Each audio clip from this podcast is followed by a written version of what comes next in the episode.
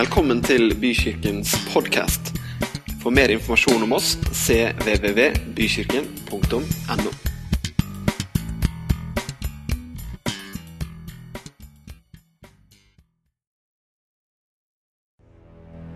Jesus, alt vi trenger, er deg. Alt vi trenger, er deg, Gud. Det du har gjort for oss, det er alt vi trenger. Det holder. Det er nok.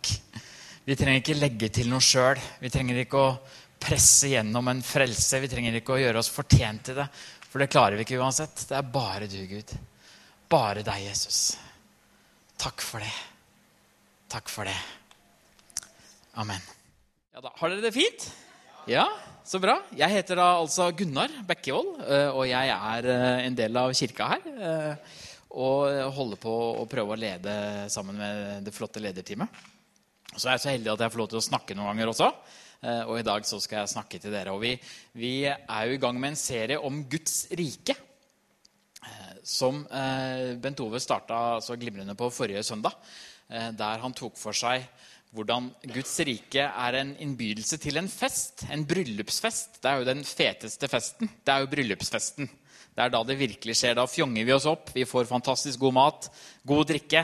Det er selve festen. Og Det er kanskje den festen man selv husker best også. Hvis man har gifta seg noen gang, så er det jo bryllupsfesten jeg husker best. Eh, av alle fester så er det vår egen fest, den festen da Kristin og meg gifta oss. Og feira det. Det er stort, altså. Det er fint. Ja. eh, Så eh, alle har blitt invitert til den festen snakka Bent Ove om. Alle mennesker. Det handler ikke om hva du har gjort sjøl.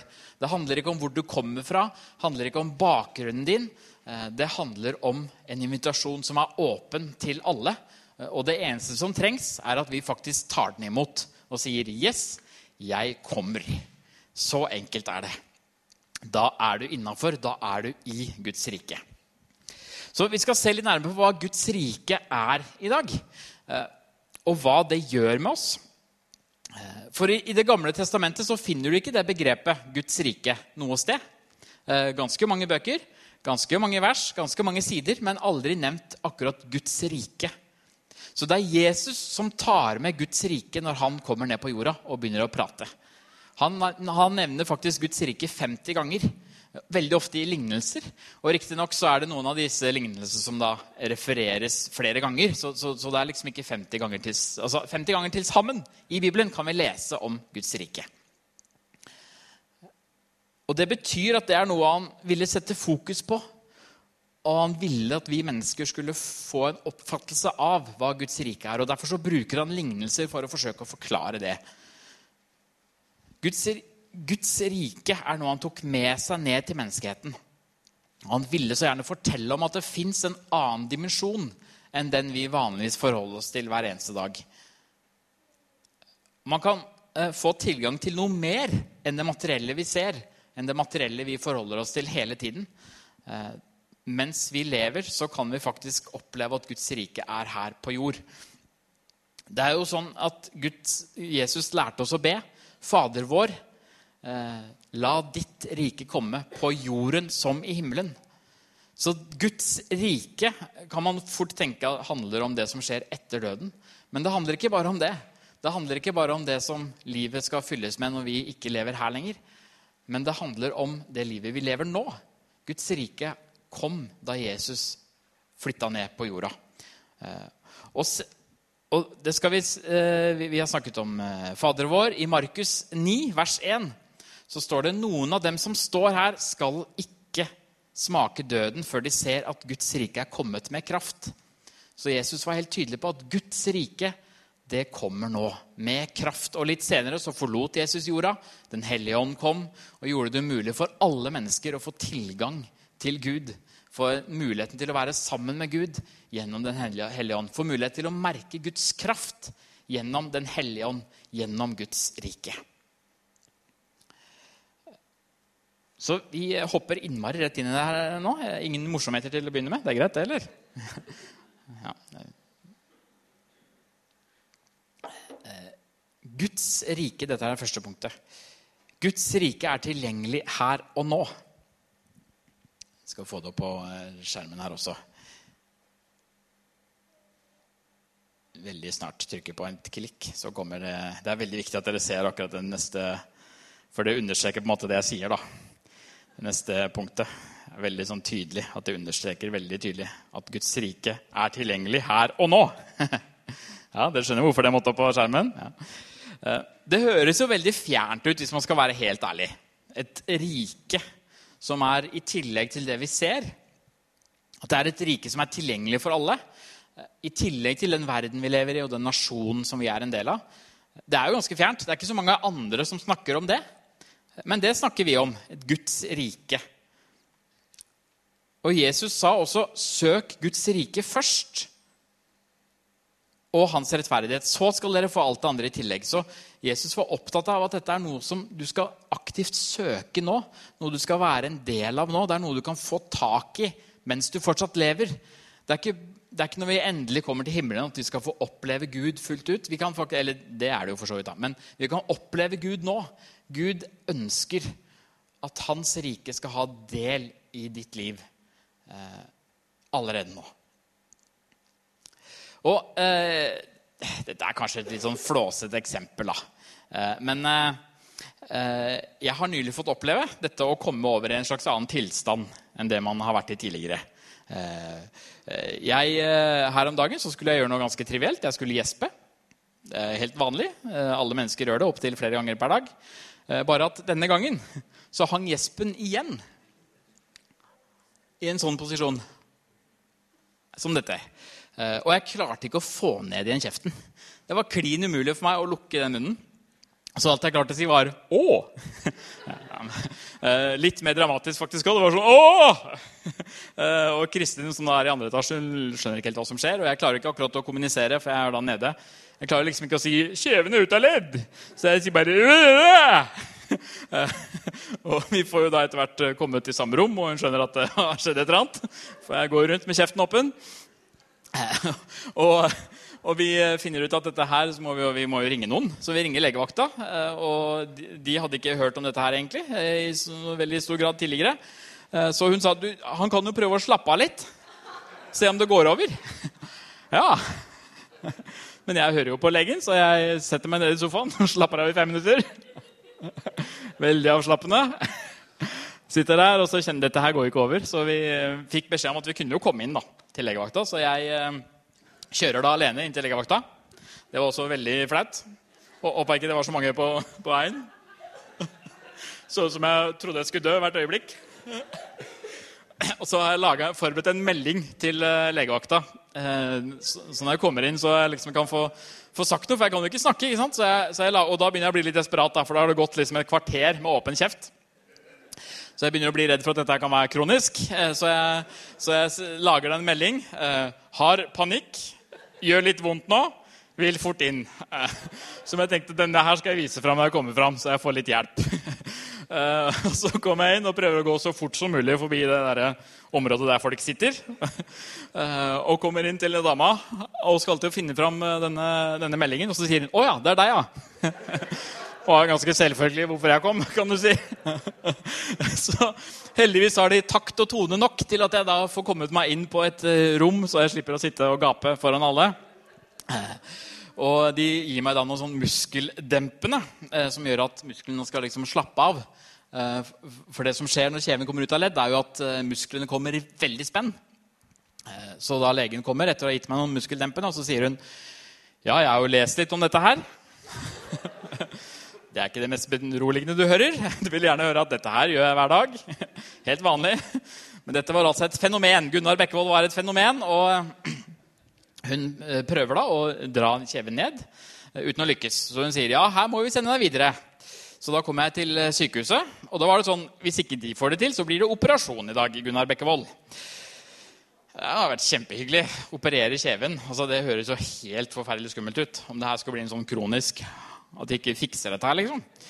Men så får jeg da enda mer muskeldempende, og de klarer faktisk å rykke på plass den kjeven. Og endelig var jeg liksom meg sjøl igjen.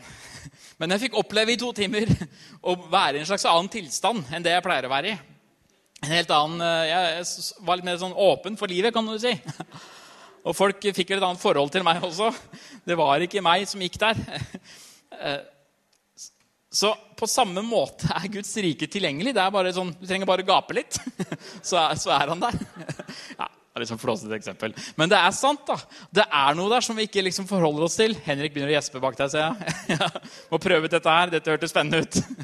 Hvor høyt må man gjespe? De hadde hørt om dette her før på legevakta.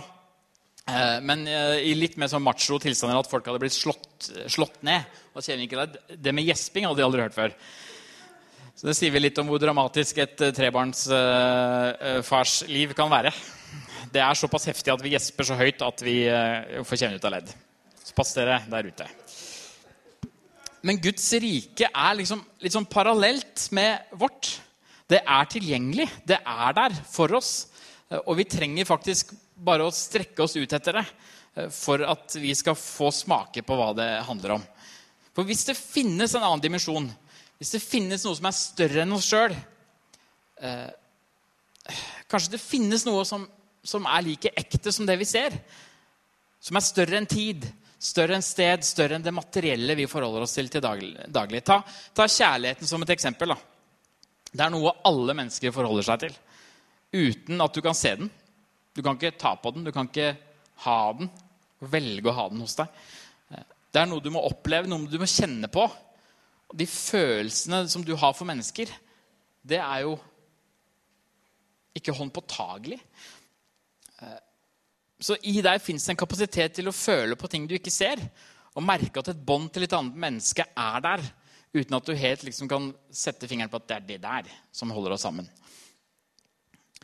Og Hvis du vil få meg til å gråte nå til dags, så setter du på eh, sånne type filmklipp som viser hvordan eh, fars kjærlighet til sine barn er. Og jeg blir så sippet av det. Og hjelpe meg. Nå har jeg sett eh, det som går på Facebook nå. jeg vet ikke om jeg har sett det, Men det er da en pappa som, eh, som sammen med sin datter, som er 10-11 år, skal eh, være med på en danseforestilling. Har dere sett den? Ingen som har sett den? Er jeg så kul at jeg er den eneste som har sett den? Eh, Det er da en datter som skal ha en danseforestilling, og så i hemmelighet så øver pappaen sammen med datteren på denne forestillingen. For liksom, dette er noe de skal gjøre sammen. Eh, Så, så det vet ikke resten av familien om. Og så kommer det denne forestillingen, og pappaen er jo ikke der. ikke sant? Mor blir bekymra. Hvor er far? Jo, han er sammen med dattera og kommer ut på scenen og danser. Og jeg begynner å gråte. Jeg syns det er så vakkert. Eh, Fordi kjærligheten eh, og det, ødelegger litt at det er reklame for eh, cornflakes, forresten. Det kommer liksom helt på slutten som fire, fire minutter med gråting, og så Å ja, det var Quaker, ja. Ok. Var kanskje ikke så, så koselig, da. Men en liten moodbreaker der. Men, men det er noe med kjærlighet, altså. Når vi kjenner kjærlighet, vi får oppleve det. Det finnes ting som er større enn oss, som er over oss. Over vår fatteevne. Større enn det vi lever i i hverdagen. Og vi ser det veldig tydelig i begravelser. Altså sorg beviser at kjærlighet er kraftigere enn døden. For hvis ingenting hadde vært større enn oss, hvis et menneske som bare dør eh, altså Man skulle jo egentlig tro at når det mennesket dør, så dør jo også følelsene våre for dette mennesket. fordi menneskene er jo ikke der lenger. Den er jo borte. Det, det er bare historie. Man skulle tro at det bare ble borte. Men faktum er at sorgen og kjærligheten for et menneske som dør, blir jo gjerne større når det er borte. Det er noe som, som overlever døden. Kjærligheten til mennesker overlever døden. Det finnes krefter som er sterkere enn deg og meg. Det fins et annet rike, en annen dimensjon, om du vil, som er større enn oss, og som er tilgjengelig her og nå. Jesus snakka mye i bilder og brukte ofte jordbruksmetaforer. Og Det passa veldig godt på den tida, og det passer også veldig godt nå, for vi, vi skjønner fortsatt en del av de metaforene. Og det, det vi skal se mest på i dag, det er fra en tale han holdt i Markus kapittel 4, vers 28-32. Og jeg skal lese det for dere nå, så får vi det også opp på skjermen. Og han sa, med Guds rike er det slik. Det er som når en mann har sådd korn i jorden. Han sover og står opp. Det blir natt, og det blir dag. Og kornet spirer og vokser, men han vet ikke hvordan det skjer. Av seg selv gir jorden grøde. Først strå, så aks, og til sist modent korn i akset. Så snart grøden er moden, svinger han sigden, for høsten er kommet. Og så neste side. Han sa, 'Hva skal vi sammenligne Guds rike med?' Hvilken lignelse skal vi bruke? Det er som et sennepsfrø. Når det blir sådd, er det mindre enn noe annet frø på jorden. Men når det er sådd, vokser det opp og blir større enn alle hagevekster. Og får så store greiner at himmelens fugler kan bygge rede i skyggen av det. Guds rike er fullstendig ufortjent. Det er det andre punktet mitt. Det er det andre punktet mitt. Prosessen som Jesus snakker om, det bare skjer av seg sjøl. Du kan trykke en gang til, Henrik. Eh, først så er det jordens grøde, så blir det til strå, og så blir det til aks. Og til sist blir det modent korn i det akset. Og det står også i disse versene at mannen vet ikke engang hvordan det skjer. Det bare skjer. Det er, liksom, det er noe vi ikke kan bryte inn i. Det er noe vi ikke kan ødelegge. Det er noe vi ikke gjør oss fortjent til. Så Det er ingen som gjør seg fortjent til Guds rike. Det går ikke an, det. Det er ikke prestasjonsbasert. Det er ingen opptaksprøve der man må prestere for å se om man er verdig å komme inn. Der man må svare det riktige, gjøre det riktige. Mange sier til meg at du må være sånn religiøst anlagt eh, ettersom du tror på Jesus og, og følger, følger han. Eh, det må være noe med deg, liksom. Noen gener eller jeg vet ikke hva du tror det er, ja, som gjør at jeg er religiøst anlagt. Men sannheten er at jeg er slett ikke glad i religion. Jeg tenker egentlig at jeg kanskje er litt eh, Jeg syns det er kult å tenke i hvert fall om meg sjøl at jeg litt sånn opponerer litt mot tradisjoner. Opponerer mot det eh, religiøse. Eh, jeg liker egentlig ikke masse lover og regler og bud. Eh, fordi det er med på å binde oss. Særlig når vi prøver å leve opp til det, og det liksom blir vår måte å strekke seg opp til Gud. At vi skal gjøre dette her, og så skal vi få oppnå Guds rike. Da skal eh, Jesus fikse ting for oss. Så Det var jo sånn også på den tiden at de som var religiøst anlagt, fariseerne, de skriftlærde, de likte jo ikke Jesus. De likte ikke det han kom med. Eh, fordi det tok vekk prestasjonen i å tro. Det tok vekk prestasjonen i å følge. Og Jesus var jo ikke akkurat, eh, han la ikke noe imellom, han heller. Han likte ikke de religiøst anlagte. Han likte det ikke. Han kalte dem for ormyngel. Det er ganske tydelig. Da veit du at du ikke er så godt likt. Det er ikke noe sånn lese mellom linjene og lure på hva du egentlig mener. Det er ganske rett fram. Gud var, Jesus var veldig rett fram med fariseerne. Så han kunne faktisk ikke fordra at loven ble satt så høyt eh, at livet ikke kunne leves. Og han kunne heller ikke fordra at noen sitter og bestemmer hvordan ting skal være, eller følger hvordan ting skal være, uten at de har sjanse til å gjøre det sjøl. Så våre prestasjoner ligger ikke til grunn for Guds kjærlighet eller Guds rike. Det eneste vi trenger å gjøre, det er å så det frøet.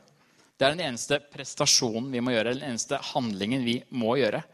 Og det er en aktiv handling. Det er noe du må velge, men det er ingen prestasjon. Det er ikke sånn at 'Oi, se på dette frøet. Nå skal jeg uh, så det på en kjempespesiell måte.' Uh, det eneste vi må gjøre, det er å velge Jesus. Og troen har jeg valgt helt sjøl. Det er et annet poeng jeg ofte hører. da, At, uh, at du har jo vokst opp i kristen tro, og da, da har jo du bare blitt kristen. Men det er jo ikke sånn heller. Jeg har vokst opp like mye på en multemyr som jeg har vokst opp i kirka. Og jeg har ikke blitt en multeplukker. Det silte jeg lett bort. Ikke, jeg skal ikke disse de som liker å plukke multe. Det er sikkert mye fint med det, men det er bare så mye mygg. I hvert fall i Trysil. Kanskje det er helt annerledes her. Det er veldig hyggelig her. det kan godt hende. I Trysil det var ikke verdt det for meg. Jeg liker fortsatt å spise multe. Men, men eh, det, det, er ikke sånn at dette her er bare noe sånn å, jeg bare tar ikke noe bevisst valg for det. Du må faktisk velge å så. Du må velge å legge det sennepsfrøet ned i jorda.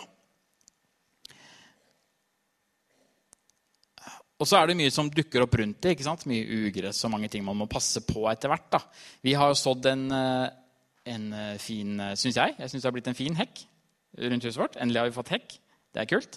Men den kommer ikke til sånn bare at vi liksom tenkte vi sår et eller annet, og så ser vi hva som skjer. Nei, vi sådde jo en hekk. Vi valgte hekken.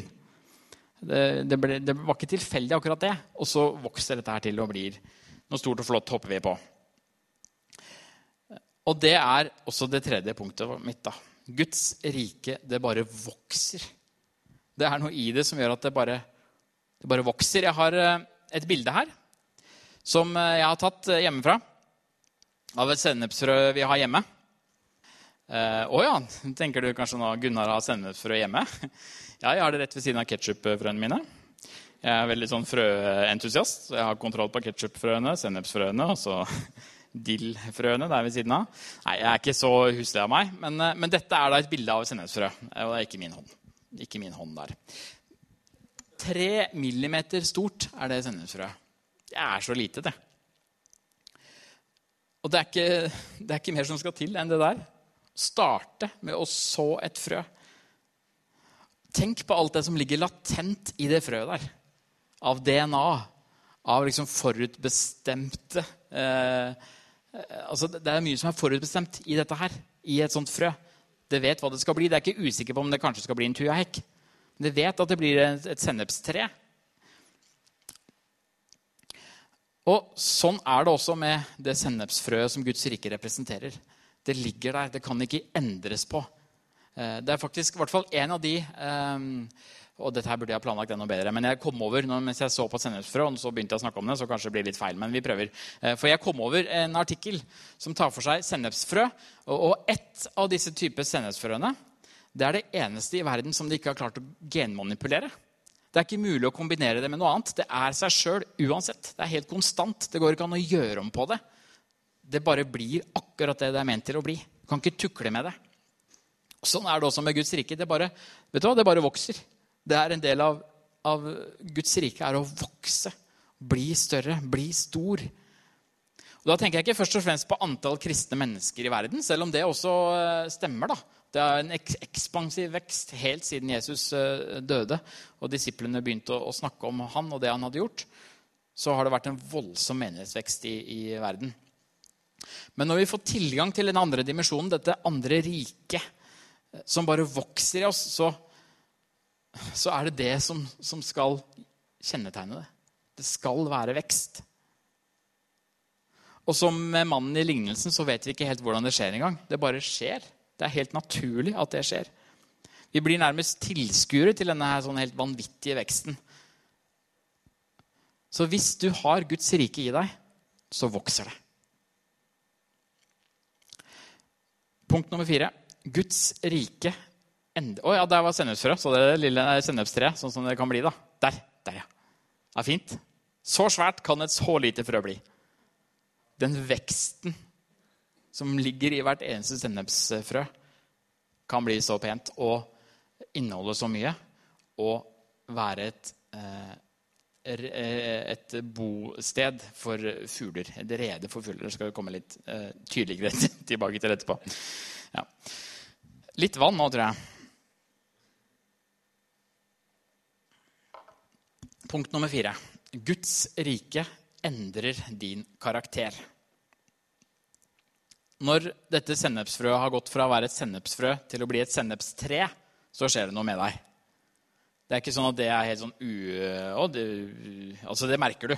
Hvis du, hvis du liksom har et lite frø på tre millimeter, og så dagen etter skulle se et sennepstre, så har du liksom Å, det har skjedd noe her.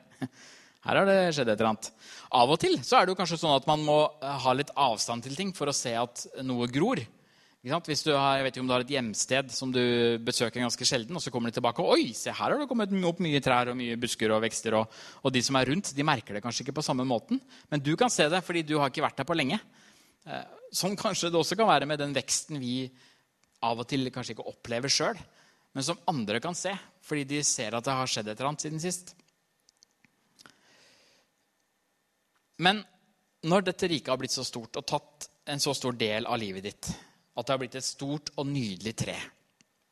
Et tre som er sterkt nok og innbydende nok til at fugler ønsker å bo der. Søke tilflukt i det.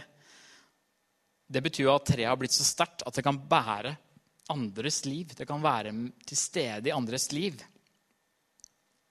Man kan være der for andre. Det skal nemlig synes på livet ditt at Guds rike har kommet til deg, og at Guds rike har fått vokse. Det er helt naturlig at det skal synes i måten du lever på. Det gjør noe med hvordan du behandler alle mennesker. Det gjør noe med det, altså, det handler ikke bare om å tolerere andre, men det handler faktisk om å elske andre mennesker. Fordi Guds, eh, Guds rike har blitt større. Du får se andre mennesker gjennom, gjennom, hans øyne. Vi var på en gatefest i går. Er det mange andre som har gatefester hjemme hos seg? Nei, tenkte jeg det ikke. Vi, er, vi bor i kanskje verdens beste gate som har gatefest. Det er tredje gangen da, de har det. Det var utrolig hyggelig. Oi, oi, oi, så hyggelig det var. Og vi, jo, vi, er, vi, ble offisielt ønsket velkommen, for vi har da bygd hus i denne gata siden forrige gatefest. Så de liksom Velkommen til dere. og det er de som bor der borte. Og sånn. Og så fikk vi jo senere på kvelden vite at de kaller husene våre, for vi har da bygd hus sammen med øh, min svigerinne. Ganske tett på hverandre. De kaller det for Twin Towers. på folkemunne. det er hyggelig. Jeg bare håper ikke jeg har tenkt noe sånn terrorangrep.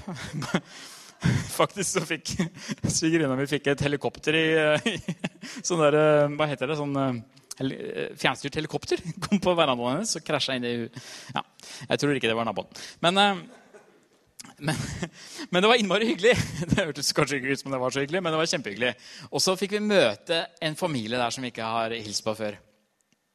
Eh, som kommer fra Syria som flytta hit for elleve måneder siden og nå går på norskkurs. Beklager at jeg ble litt rørt nå, men disse folka de har en datter som er like gammel som Millie. De har en sønn som er like gammel som Tobias. Og vet du hva? Da kommer den Syria-konflikten ganske nærme. Da kommer den ganske tett på. Og Nå skal ikke jeg være noen politiker, men da blir det vanskelig å si at nei, disse 8000 eh, de har ikke vi råd til.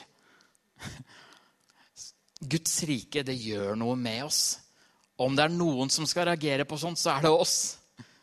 Om det er noen som skal reagere på at vi ikke deler, at vi ikke åpner opp for at dette treet kan ha plass til andre Vi må virkelig stå på barrikadene når Guds kjærlighet skal synes gjennom oss.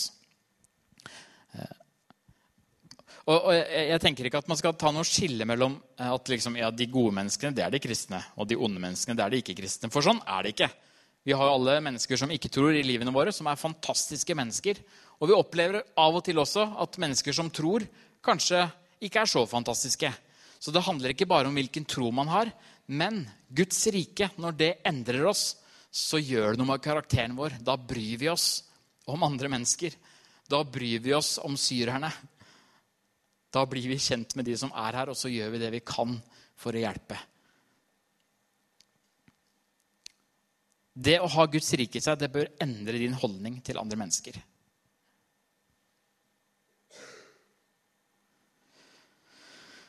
Ja.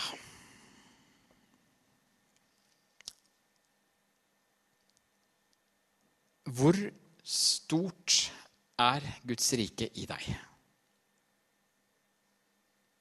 Er det et sennepsfrø? Det, har det blitt et stort tre? Er det så stort at andre mennesker finner hvile hos deg, kan lene seg på deg, kjenne at Gud er nær deg, er i deg. For det er jo symptomet, eller beviset om du vil, på at vi faktisk lever etter Guds vilje. På at vi faktisk følger Jesus og er hans etterfølger. Det kan virke som et paradoks. På den ene siden så har du dette med betingelsesløs altså vi, Det er en gave. Det Gud har gitt oss, er en gave. Vi kan ikke legge noe til. Vi kan ikke trekke noe fra livet vårt. Det er bare Gud som kan frelse oss. Det er bare Jesus og det han har gjort for oss, som er bra nok. Som, som gir oss en åpning for å være sammen med Gud. Men samtidig så kan vi ikke glemme det Jesus sier her om at Guds rike vokser. Jeg tok imot Jesus sånn på ordentlig som 14-åring. Det er 20 år siden snart. Og hvor stort bør egentlig det treet være hos meg nå? Hvor stort er det egentlig? Eh, jeg skal ikke liksom bli så innmari selvransakende, men jeg tror det er noe å gå på. da. Jeg, jeg, tror det er mer i Guds rike for meg enn det jeg har fått oppleve. Jeg tror Gud ønsker å bruke mer gjennom meg enn det jeg har, har opplevd hittil. Selvfølgelig har jeg opplevd en naturlig modning, og kanskje noen som så meg for 15 år siden, ser at nå har Gunnar kommet lengre, eller nå er det liksom mer tre der et eller annet sted. Det kan hende, det, men samtidig så Jeg er, er mer moden på en måte nå, men, men jeg har jo opplevd Gud i tykt og tynt, tynt, tykt og tynt. Jeg har vært gjennom perioder der jeg syns det har vært vanskelig å tro på Gud. Andre perioder der jeg syns det har vært veldig lett å tro på Gud. Så jeg har sikkert fått en slags større dybde i dette riket. Men jeg tenker ofte burde ikke det treet vært større nå? Burde ikke det ha tatt enda mer av livet mitt? For vi bør merke en endring. Med denne voldsomme veksten så bør det jo skje en endring. Vi bør bære mer, risikere mer. Så da leder det til et enda skumlere spørsmål. Lever vi i Guds rike hvis det ikke vokser inni oss? Det er et skummelt spørsmål. Har jeg Guds rike i meg? Hvis ikke jeg opplever at treet er i meg, hvis ikke jeg opplever at troen min, livet mitt med Gud, gjør at andre mennesker får oppleve han, får en smak av han. Det er viktig å si når jeg stiller det spørsmålet her, at Bibelen er veldig tydelig på at man kommer inn i Guds rike ved å tro på han. Når som helst i prosessen. Altså Også rett før du dør. Jesus han hadde jo en tyv ved siden av seg da han hang på korset. Eh, og denne tyven ba om å få bli med i, i hans rike, og det fikk han ja på. Du skal sannelig bli med meg. Så han ble lovet en plass av Jesus. Det holder å si ja til han. Bekjenne at han er Gud, han er Herre. Jeg klarer ikke dette her sjøl. Det er ikke noe opptaksprøve for å bli etterfølger av han. Men det kan også bli en hvilepute for oss som har vært kristne lenge. Det er ikke så farlig hva jeg gjør med livet mitt, fordi han tilgir meg uansett. ikke sant? Den nåden der, det er bare å liksom cashe ut den hele tida. Jesus har veldig tydelige forventninger til hvordan vi skal leve. Og hva vi som har tatt imot han, skal gjøre med livene våre. Hvordan vi skal leve de. At vi skal gi ham plass i livene våre. Nåden han har vist oss ved å ta bort all synd i våre liv, det gir ikke oss fribillett til å gjøre hva vi vil. Det er ikke meningen at livet ditt skal gå i akkurat samme retning som før du tok imot han. Det er ikke meningen at du skal ta de samme valgene nå som du gjorde eh, før du tok imot han. For Guds rike det handler ikke først og fremst om deg. Det handler først og fremst om Gud. Og det betyr at vi må ære han. Vi må sette han høyere enn oss, og vi må ha fokus på det han er aller mest opptatt av. Og det er at flere skal komme til den festen. At flere skal få se den bryllupsfesten. Vi skal se litt på en annen lignelse som Jesus forteller til hovedsakelig fariseere og skriftlærde. Og jeg, jeg, tar opp dette fordi jeg tror det ligger noe i oss. Selv om jeg sier at det er bud og regler, det er ikke noe for meg, så, så ligger det allikevel noe der eh, som, som vi må se på. Fariseerne var kjent for å dømme folk uten å akkurat klare å leve det livet de selv snakka. Det var mye hykleri blant de. Og det har vel kanskje hendt i mitt liv en gang eller to. hvis jeg skal være helt ærlig. Så vi, vi ser på Matteus 21 og vers 28-31. Men hva mener dere om dette? En mann hadde to sønner. Han gikk til den ene og sa, 'Min sønn, i dag skal du gå og arbeide i vingården.' 'Nei, jeg vil ikke', svarte han. Men senere angret han og gikk. Faren gikk så til den andre og sa det samme til ham. Ja, herre, det skal jeg, svarte han, men han gikk ikke. Hvem av disse to gjorde det som faren ville? Den første, svarte de. Da sa Jesus til dem, sannelig, jeg sier dere, tollere og horer kommer før inn i Guds rike enn dere. Og så kommer det en uh, liten, uh, en liten lignelse til, og så sier han etter den lignelsen, derfor sier jeg til dere, Guds rike skal bli tatt fra dere og gitt til et folk som bærer de fruktene som tilhører riket. Da overpresten og fariseerne hørte lignelsen hans, skjønte de at det var dem han siktet til. Guds rike tilhører ikke regelrytterne, som sier at de følger ham, men som egentlig ikke gjør det i dagliglivet.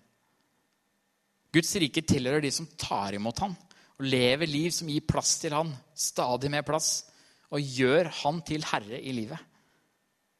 Guds rike er i de som bærer frukt. Der du kan se at det vokser. Der du kan se at det å møte denne personen faktisk gjør noe positivt med deg. Og Vi mennesker vi kommer aldri til å bli fullkomne, eh, men vi kan få mer av Guds rike i oss. Vi må bare la han få vokse. Døperen Johannes, som da kom før Jesus, som skulle liksom forberede veien eh, før Jesus kom, han var en profet, han sa om Jesus før han begynte sin gjerning, at han skal vokse, jeg skal avta. Og Paulus, som jo har utforma mye av teologien vi pinsevenner bygger på, han bekrefter dette her med at Apollos, som da var en altså, eh, Han sa at jeg, altså Paulus, planta, Apollos vanna, men Gud gir vekst. Og når det er Gud som gir vekst, når det er Guds rike som får vokse, så, så blir det ikke det lovisk. Da blir det ikke det dine prestasjoner. Det blir, ikke, det blir ikke du som strekker deg opp til Gud. Men det er Guds rike som får større plass i livet ditt.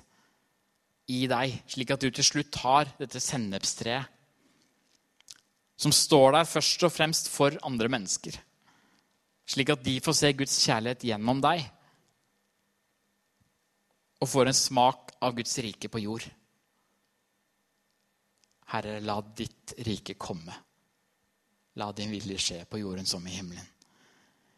Jeg vet ikke helt hvor stort Guds rike er i meg. Jeg vet ikke hvor stort det er i deg heller. Kanskje har ikke du ennå kommet så langt at du har lyst til å plante et frø. Du ser på det frøet og så tenker du, nei, det her vet jeg ikke hva fører til.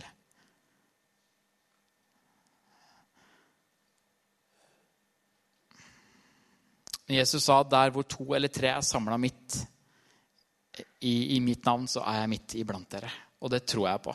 Jeg tror Jesus står her i dag, og jeg tror han har hånda full av sennepsfrø, og så sier han du, vil du prøve det frøet her? Han tvinger det ikke på deg, og det har ikke jeg tenkt å gjøre heller. Hvis du ikke kjenner til dette her fra før. Jeg vil ikke presse et sennepsfrø på deg. Eh, men jeg har lyst til å spørre, kan du tenke deg å plante det frøet? Og jeg har hørt 100 forskjellige utgaver av hvordan det oppleves. For det, fordi vi er så forskjellige som mennesker, og Gud har så respekt for at vi er forskjellige. Han har skapt oss forskjellige. Så det er en grunn til at denne respekten er der. Noen de opplever med en gang at de føler at dette frøet får plass, får rot og vokser umiddelbart. Kjenner at Gud er jammen nær meg. Andre de bruker lengre tid på å få en sånn opplevelse. Men de har likevel tatt et valg om å plante det frøet. Kan dere komme opp i lovsangstime? Eh. Og så har jeg lyst til å snakke til deg som allerede har planta frø. Du er trygg på at sennepsfrøet er der, men du vet at det egentlig burde hatt litt større plass.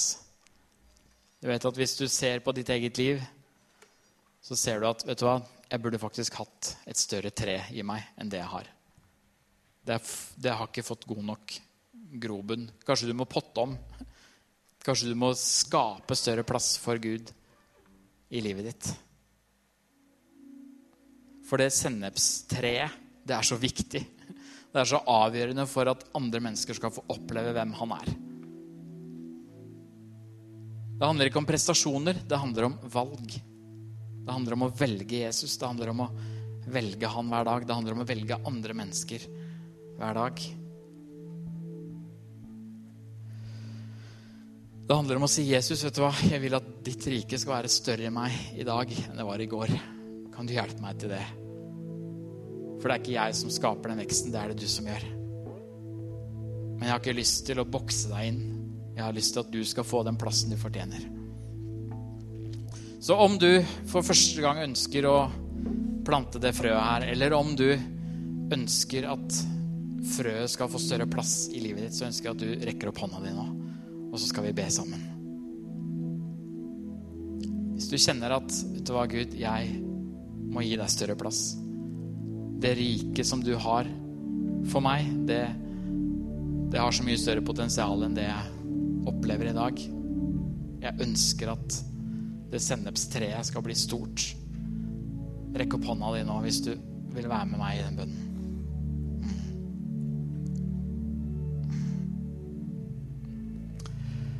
Herre. Takk for at du er her nå. Det er ikke magi, men det er din dimensjon som ligger i det materielle som du har skapt fra før. Som ligger tilgjengelig for oss hele tida. Og Jesus, vi ønsker så gjerne at det skal flere få oppleve. At du er virkelig. At Guds rike har kommet ned på jorda. Vi ønsker så gjerne at mennesker som møter oss, også skal møte deg. Ikke fordi vi presterer, men fordi du har så stor plass i oss. Ditt rike har så stor plass i oss at det synes, at det merkes, at det kjennes. Hjelp oss til å se på mennesker med dine øyne. Og leve for andre mennesker. Hjelp oss til å kjenne at ditt rike blir større. Herre, vi ønsker mer frukt i livet våre. Fordi vi vil leve for deg. Vi vil leve for ditt rike, Gud. Og vi vil se at det når enda flere mennesker. Og om du er her som ikke har planta det sennepsfrøet, så har jeg også bare lyst til å be en kjapp til deg. Du kan godt komme bort til meg etterpå hvis du vil snakke med meg om noe, men jeg har bare lyst til å be for deg. Jesus, jeg ber virkelig om at uh,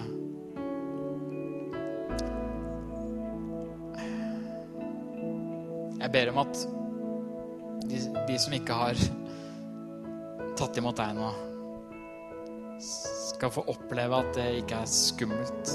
Selv om det setter oss på valg, så er det ikke skummelt. Det er bedre å følge deg enn å ha alt i hele verden. Du er en gentleman, Gud. Du presser deg ikke på. Men jeg ber om at du skal vise din kjærlighet vise ditt nærvær.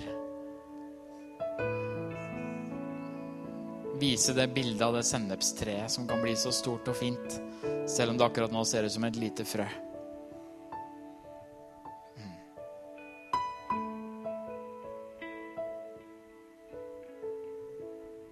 Mm. Takk, Jesus, for at du elsker oss akkurat som vi er. At vi ikke trenger å late som om vi er noe annet enn det vi er. At vi kan være menneske. Men takk også for at du har redda den menneskeheten. At du har gitt oss et rike som vi kan få tilgang på også mens vi lever her.